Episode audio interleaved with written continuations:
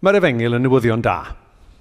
Dyn ni'n gwybod bod yr efengil yn newyddion da. Mae neges diw i'r byd, mae neges diw i ni yn newyddion da, ond mae hefyd yn medru bod yn heriol.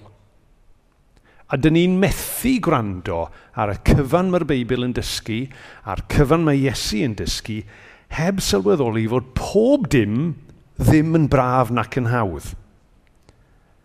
A mae'r adnodau dyn ni'n edrych arno heddiw yn un enghraifft yna. Mae yna lot o enghreifftiau eraill. Just yn efengil lyc, falle bod chi'n cofio yn henod naw, mae Iesu, fel tesefen swnio'n galed iawn, yn deud, gad i'r rhai sy'n farw ei hunain gladdu. Dych chi'n cofio, oedd e'n galw rhywun i'w ddilyn e, a rhywun i dweud, na, mae rhaid fi gladdu rhywun gyntaf. A mae Iesu'n swnio'n galed iawn. A mae'n sôn am flaenor ieithau. Mae'n swnio'n galed iawn wedyn ni yn lyc deuddeg, pan mae'n sôn am ddiw fel un i'w ofni. Gwrandwch, diw ydy'r un i'w ofni. Mae'r hawl, mae hawl ganddo fe i'ch taflu chi i uffern ar ôl lladd y corff ie, ofnwch ddiw. Geiriau caled eto. A wedyn i yn lyc 18, mae'r dyn ifanc cyfoethog yn dod at Iesu ac yn gofyn, beth sy'n rhaid i fi wneud i etifeddu bywyd tragwyddol? Mae Iesu'n siarad efo fe, a mae'r dyn ifanc yn dweud, o, dwi wedi gwneud rheina i gyd. A wedyn mae Iesu'n dweud, mae un peth arall ar ôl. Wrth y dyn yma, mae'n dweud, gwertha bopeth, dy eiddo i gyd, a rhannu'r arian gyda phobl dlawd. Wedyn, ceid i drysor, yn y nefoedd yna tyrd dilyn fi. A'n tueddiad naturiol ni ydy pido rhoi gormod o sylw i'r pethau anodd, achos tydyn nhw ddim yn hawdd. Ond pan dyn ni'n edrych ar y pethau anodd, mae rhaid ni wneud sawl peth. Un peth yw mae rhaid ni ddeall y cyd-destun, a mae fyddwn ni'n dod i'r cyd-destun i'r adnodau yna o lu 14 mewn munud. Ond dyn ni gorfod cofio hefyd yn ehangach mae galwad Iesu i ni yn wahanol. Ydy mae e yn alwad rhad, ond mae'n alwad i fywyd newydd sydd yn wahanol iawn. Bywyd o halen a goleini, ac mae'n y gost i hynny. Mae'n rhaid i ni gadw'r balans rhwng pwysleisio pa mor rhad yw dod at Iesu, Ond be di obligiadau hynny wedyn ni? Falle bu rai o'n chi, dwi'n meddwl, rhai misoedd nôl, dwi'n cofio uh, Tristan yn dyfynu Dietrich Bonhoeffer yn yr oedfa. Oedd Bonhoeffer yn wynidog yn yr Almain yn adeg Hitler. A mi ath e siarad llawer a rhybuddio am y perig o gras rhad, cheap grace. Meddwl fod pob dim yn hawdd a, a bod dim byd yn costio dim byd. Gwrandwch ar y geiriau yma gan Bonhoeffer. Cheap grace is the preaching of forgiveness without requiring repentance, baptism without church discipline, communion without confession, absolution without personal confession. Cheap grace is grace without discipleship, grace without the cross, grace without Jesus Christ living and incarnate.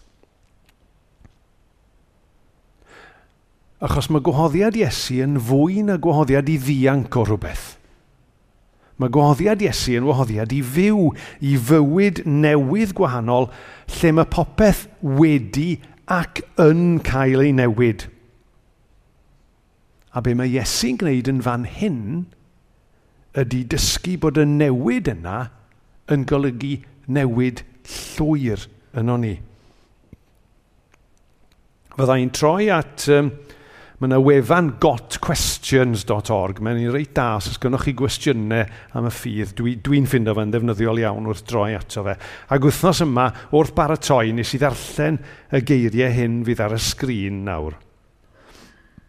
When we choose to follow Christ, we are releasing control of our lives. When Jesus is in control, pure living results.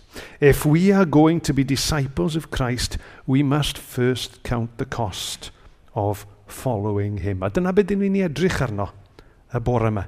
Deall be mae Iesu yn deud yn fan hyn. Ac yn fras mae'n gwneud tri peth. Yn gyntaf, mae'n gwneud cymhariaeth. Yn ail, mae'n sôn am flaenoriaethau.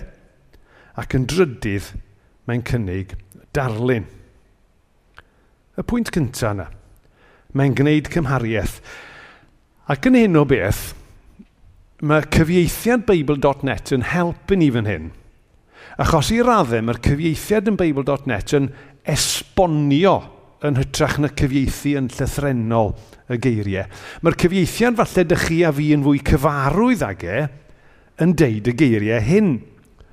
Os daw rhywun ata fi heb gasau ei dad ei hun, a'i fam, a'i wraig, a'i blant, a'i frodyr a chwiorydd, a hyd yn oed ei fywyd ei hun, ni all fod yn ddisgybl i mi. A dyna sydd yn y groeg gwreiddiol, os dyn ni'n mynd fesul gair, dyna sydd yna.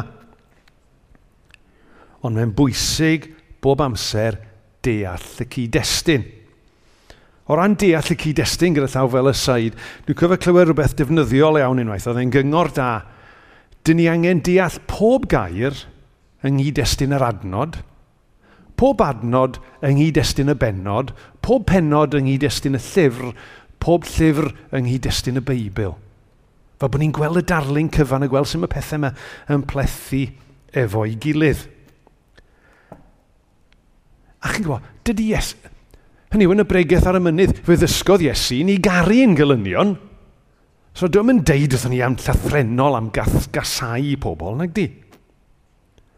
Be oedd Iesu'n gwneud yn fan hyn? Oedd e'n defnyddio arddull oedd yn gyfarwydd ar y pryd, uh, gyda pobl oedd yn dysgu ar y pryd, oedd ddefnyddio hyperbole.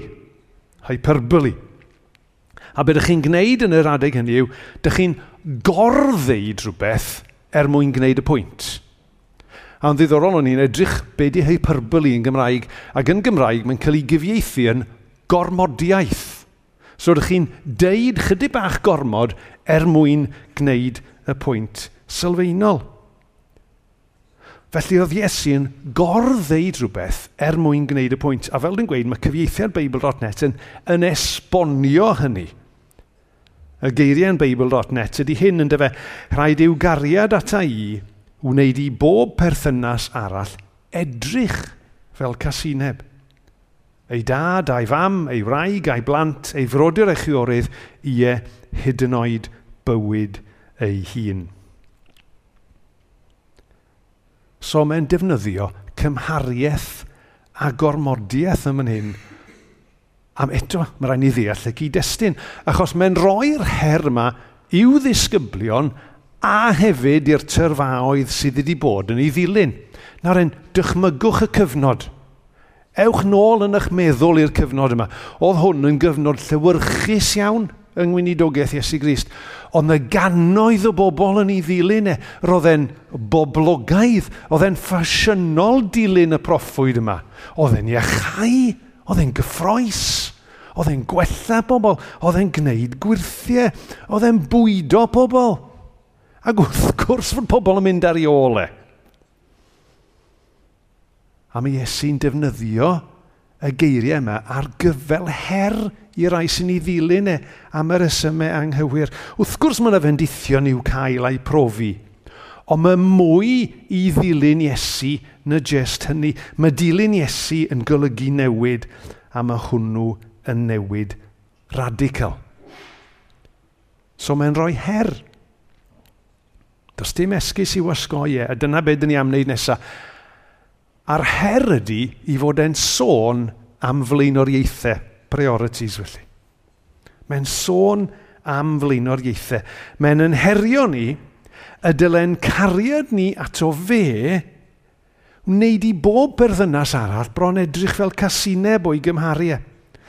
Mae'n deud yr un peth uh, mewn llefydd eraill. Mae chydig bach fwy um, amlwg a caled yn fan hyn, ond mae'n deud y peth yn Matthew 6, 23, uh, 33, lle dyn ni darllen, ceisiwch yn gyntaf deyrnas ddiw a'i gyfiawnder ef a roi'r pethau hyn i gyd yn ychwaneg i chi. Yn y cyd-destun yna, y pethau hyn oedd bwyd, dillad, pethau ymarferol. Ac mae Iesu'n deud bod y rai pethau yna yn iawn yn ei lle, ond be mae'n deud ydy, ceisiwch yn gyntaf. A mae'r ryfyn dweud, dyn ni wedi canu e", yn dydyn. Ceisiwch yn gyntaf. Dyn ni wedi canu a mae'n gan bych neis a tiwn bych neis. Ond wrth wrando'r tiwn bych neis, na dyn ni'n anghofio pa mor glir di'r geiriau. Mae'n deud, fi sydd fod i ddod gyntaf. Fy nheirna si, sydd fod i ddod gyntaf. Mater y flaenoriaeth ydy, mae'r pethau eraill yn dod ar ôl i Iesu a'i deyrnas ddod yn gyntaf. A mae'n mae ddoeth iawn, chi'n gweld, achos mewn gwirionedd, os ydyn ni'n rhoi pethau eraill yn gyntaf, mae pethau mynd go chwyth. Os ni'n rhoi pethau eraill yn gyntaf, dyn ni medru cael yn siomi. Os ni'n rhoi pethau eraill yn gyntaf, mae'r balans yn bywyd ni'n anghywir. Ond os yw Iesu yn dod yn gyntaf, mae pethau yn disgyn i'w lle priodol. Fel dwi wedi deud yn barod, pan mae Iesu'n dod i'n bywyd ni, mae e eisiau newid popeth. Mae dod i fewn i'r deyrnas wedi costio popeth i Iesu Grist a dyn ni wedi cariad mor fawr i'w canu, mor fawr i'w cariad diwy tad y bore yma. Mae'n rhad i ni Ond dwi hoffi'r dyfyniad yma gan yr Albanwr yma, Henry Drummond. Dwi'n ni wedi clywed amdano fe cyn wsnos yma. Ond dwi'n licio'r dyfyniad yma. The entrance fee into the kingdom of God is nothing. The annual subscription is everything. Mwna dda yn dydi. The entrance fee into the kingdom of God is nothing. The annual subscription is everything. Achos mae eisiau newid popeth. A mae newid popeth er gwell. O'n i'n sôn bythefnos yn ôl pan o'n i'n sôn am rhoi, os ydy Iesu yn arglwydd, yna mae'n arglwydd ar bob rhan o'n bywyd ni. Os di diw ar waith yn y mywyd un yn trawsffurfio ei, mae am drawsffurfio pob rhan ohono. Ond mae hynny yn her. Ond yn fwy na her, mae hefyd yn newyddion da. Nawr, ar y pwynt yma, ydych chi'n gweud, no, he's lost it. Sut bod yr her yma yn newyddion da? Pan dych chi a fi'n troi at Iesu, a fel dyn ni wedi pwysleisio dros yr wythnosau diwetha, dydyn ni ddim i gyd yn dod at Iesu cweit yn yr un ffordd. Ond pan dyn ni'n troi at Iesu, un profiad cyffredin i ni yw yn bod ni'n gweld yr angen i ni gael y newid. Dyn ni'n gweld rhywbeth amdano ni'n hunain a dyn ni'n anfodlon a dyn ni'n gweld yr angen i ni gael y newid.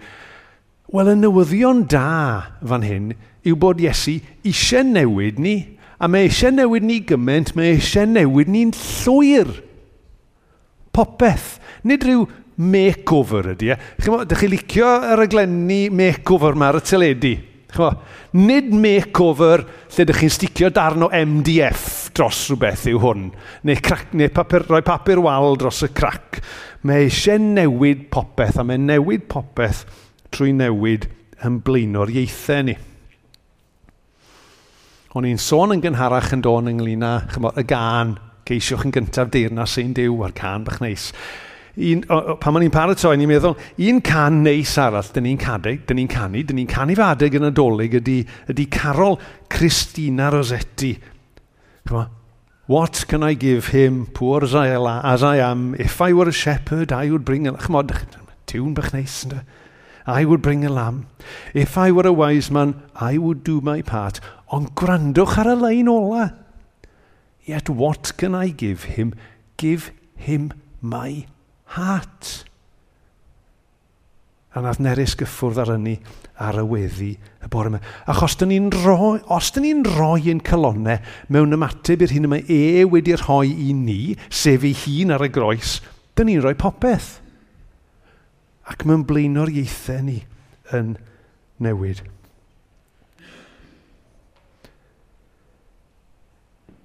Nawr wrth gwrs dydy hyn ddim yn syml nac yn hawdd nag di. Dwi ddim eisiau i neb fynd o yma meddwl bod fi'n deud hynny.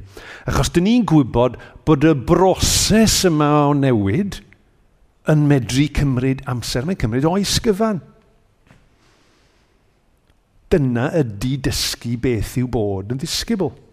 Ond be mae Iesu yn deud yn fan hyn, reit ar y cychwyn yw mae'n deud, dyma faint mae'n costio. Dyma faint mae'n costio.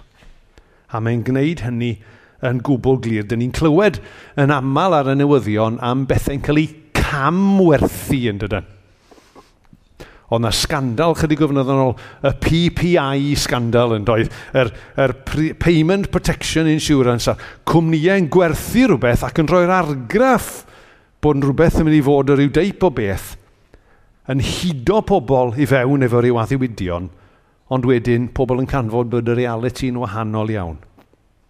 Dydy Iesu ddim yn gwneud hynny. Dwi e ddim yn deud dewch ata fi e fydd pob dim yn gret. Mae'n deud dewch ata fi a mi fydd na bethau greta ond mae'n costio hefyd. Mae e yn gwahodd. Mae e yn denu ac mae'n deud be mae hynna'n golygu ac fe alle olygu popeth. O'n i'n darllen yr wythnos yma am y disgyblion cyntaf, deuddeg ohonyn nhw. Un ohonyn nhw nath farw mewn henaint. Un ohonyn nhw farwodd o achosion naturiol yn o pob sôn. Dyn ni'n hollol sicr, ond dyna, dyna di'r sôn. A'r dyddiau yma, dyn ni'n edrych y gwmpas y byd a dyn ni'n meddwl am frodyr a chwiorydd i ni mewn gwledydd eraill, gwledydd fel Afghanistan, Gogledd Corea, Libya, Pakistan, Nigeria. Mae brodyr a chwiorydd i ni sydd wedi ymateb i'r un gwahoddiad â ni i ddod at Iesu yn gwybod bod hynny'n arwen at reality eglur iawn o beth yw cost disgybl. A'r cwestiwn i ni yw, ydyn ni'n barod i wynebu'r gost hynny? I ni, os dyn ni'n onest y dyddiau yma, mae'r her chydig bach yn wahanol yn dydy. Dyn ni ddim mewn perig am ein bywydau, am ein bod ni'n credu yn Iesu. Dydyn ni ddim nagden ar hyn o bryd. Ond dyn ni yn mewn perig o bobl yn meddwl bod ni chydig bach yn od neu chydig bach yn gil, neu yn hen ffasiwn, a dros wybod, a dwi ddim eisiau gorbwysleisio hyn, chymo, dros amser mae deddfe newid a pethau fyna, a falle bod yna amser yn dod pan fydd y rai deddfe sydd ddim yn gyson efo, efo gair diw yn cael ei cyflwyno, a bydd rhaid ni wynebu hynny, ond dyna rhan o gost dilyn Iesu dyn ni'n cael yn galw i fyw fel disgyblion da sy'n dangos y newid yma Dyw wedi gwneud ac yn gwneud yn ein bywydau. Ac os dyn ni ddim yn gwneud hynny, mae'n y ganlyniadau hynny, a mae hwnna'n dod â fi at y pwynt dwytha, y pwynt ola, achos mae Iesu yn cynnig darlun. A'r darlun mae'n cynnig ydy'r darlun am halen. Dyma'r adnod mae halen yn ddefnyddiol. Ond pan mae'n colli ei flas, pa obaith sydd i'w wneud yn hallt eto. Dydy e'n gwneud dim lles i'r pridd nac i'r domen dail. Rhaid ei daflu e ffwrdd. So mae'n cynnig darlun i ni sydd yn sôn am bwysigrwydd halen. Un ddefnyddiodd e mewn geiriau tebyg yn y bregaeth ar y mynydd fe ddwedodd e, chi ydi halen y ddeiar. Ond pan mae'r halen yn colli i flas, pa obaith sydd i wneud yn hallt eto? Dydy e'n da i ddim, ond i'w daflu i ffwrdd a'i sathru dan draed. Be mae halen yn gwneud? Dyddi yma, dyn ni dieddol o feddwl am halen yn rhoi blas ar rhywbeth, yn dydyn? Dyna'n dyna tueddiad ni. Ond os ewn ni nôl mewn amser, oedd halen yn gwneud llawer mwy yn doedd. Cyn amser yr oer gelloedd, y ffridges ac yn y blaen, o halen yn cadw bwyd. Felly yn sicr mae'n y ddarlun yma o halen yn bywydau ni yn rhoi blas ar fywyd i bobl a hefyd yn helpu gadw'r byd rhag llygredd a phechod. Ond mae yna ystyr hyd yn oed mwy sylfaenol yn cael ei gyfeirio ato fan hyn, achos mae yna sôn fan hyn am halen o ddefnydd yn y domen dail. Oedd halen ar y pryd yn helpu gadw'r domen dail ac i droi'r domen dail yn wrtaith. Cymryd rhywbeth oedd yn dda i ddim byd, y domen, a gwneud rhywbeth defnyddiol ohono fe. Felly rhan o'n rôl ni fel halen yn y byd yw i fynd i ganol pethau di werth y byd – a helpu i troi nhw yn rhywbeth ddefnyddiol a gall diw i ddefnyddio i helpu bobl dyfu ac i ffynnu. Mae yna awdur o'r enw Anthony Bradley wedi sgwennu ar hwn a mae wedi arall eirio'r dywediad chwi yw halen y ddeiar i chwi yw gwrtaeth y ddeiar. Gwch chi feddwl, yng hynny wedyn ni, gwch chi drafod e ar rhywbeth eto. Ond her Iesu yw, os nad ydyn ni'n byw fel disgyblion go iawn, dyn ni fel halen sydd wedi colli i flas. A felly ddim o werth. Os ydyn ni'n disgyblion go iawn sydd yn dangos, nid yn unig fel mae Dyw yn dangos ei gariad adrai sydd ddim yn ei heiddiau, e, ond hefyd yn newid bywydau rhai sydd yn troi ato fe, fe fyddwn ni yn halen effeithiol. A roedd hynny'n amlwg yn yr eglwys fore. Os drowch chi lyfr yr actau, trowch chi benod 2 lle mae'n disgrifio bywyd yr eglwys fore. Dyn ni'n gweld effaith halen effeithiol.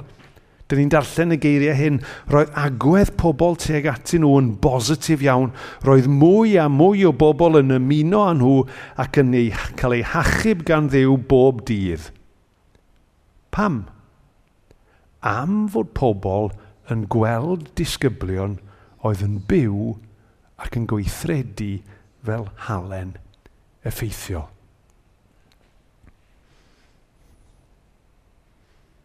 Ond dewch i ni oedi a pwyllo am funud bach. Mae'n heriol yn dydy. Mae e yn anodd a mae'n yn gwneud ni'n anghyfforddus mae'n gwneud i ni deimlo'n anigonol a mae'n aberig i ni feddwl, o, mae hwnna'n rhiannodd. Fedra i ddim gwneud hynny, felly na i ddim trio. Mae'n bwysig bod ni yn oedi a pwyllo. Achos y gwir yw bod teimlo yn bod ni'n anigonol yn beth da. Achos mae'n dod â ni i'r fan lle dyn ni'n sylweddoli rhywbeth sylfaenol iawn ynglyn â dilyn Iesu a byw fel disgybl iddo fe. A hynny yw bod yna nerth mewn gwendid. Mae yna nerth mewn gwendid. Dim ond wrth i ni sylweddoli yn bod ni yn wan – a bod rhaid cael nerth diw yn ei ysbryd yn byw yno ni, dim ond felly y medrwn ni fyw fel halen go iawn. So mae'r ffaith yn bod ni'n teimlo fe'n heriol a bod ni'n meddwl bod e'n rianodd yn beth da, achos os dwi'n edrych arno fi fy hunan, os ydych chi'n edrych ar eich hunan, mae e'n rianodd. Ond achos i fod yn rianodd hebddo fe, dyn ni wedyn yn dysgu pa mae bwysig ydy troi ato fe. Gwrandwch ar be mae Paul yn deud yn 2 Corinthiad penod 12. Mae fy heilioni un hen ddigon i ti. Mae fy nerth i'n gweithio orau mewn gwendid.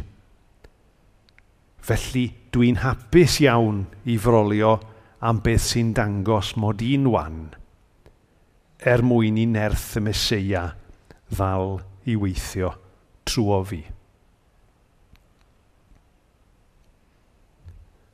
Mae dod at Iesu yn wahoddiad graslon. Mae'n wahoddiad am ddim. Dyn ni'n gwneud dim i'w heiddiau. Ond fel ydys i, mae'n fwy na gwahoddiad i ddianc o rhywbeth, mae'n wahoddiad i fywyd newydd, mae'n wahoddiad i fywyd sydd yn cael ei newid, Mae'n wahoddiad i fywyd sydd yn costio. Am y profi hwnna, a reality hwnna ar waith, yn rhan o'r wefr o gyfarfod Crist. Mae'n wahoddiad i fywyd sydd yn costio. Mae'n wahoddiad i fywyd sydd y tu hwnt i ni ac felly mae'n yn wahoddiad sydd yn yngyrru ni at yr arglwydd i gyfaddau yn bod ni'n wan ac i geisio ei nerth ef yn ein gwendid ni.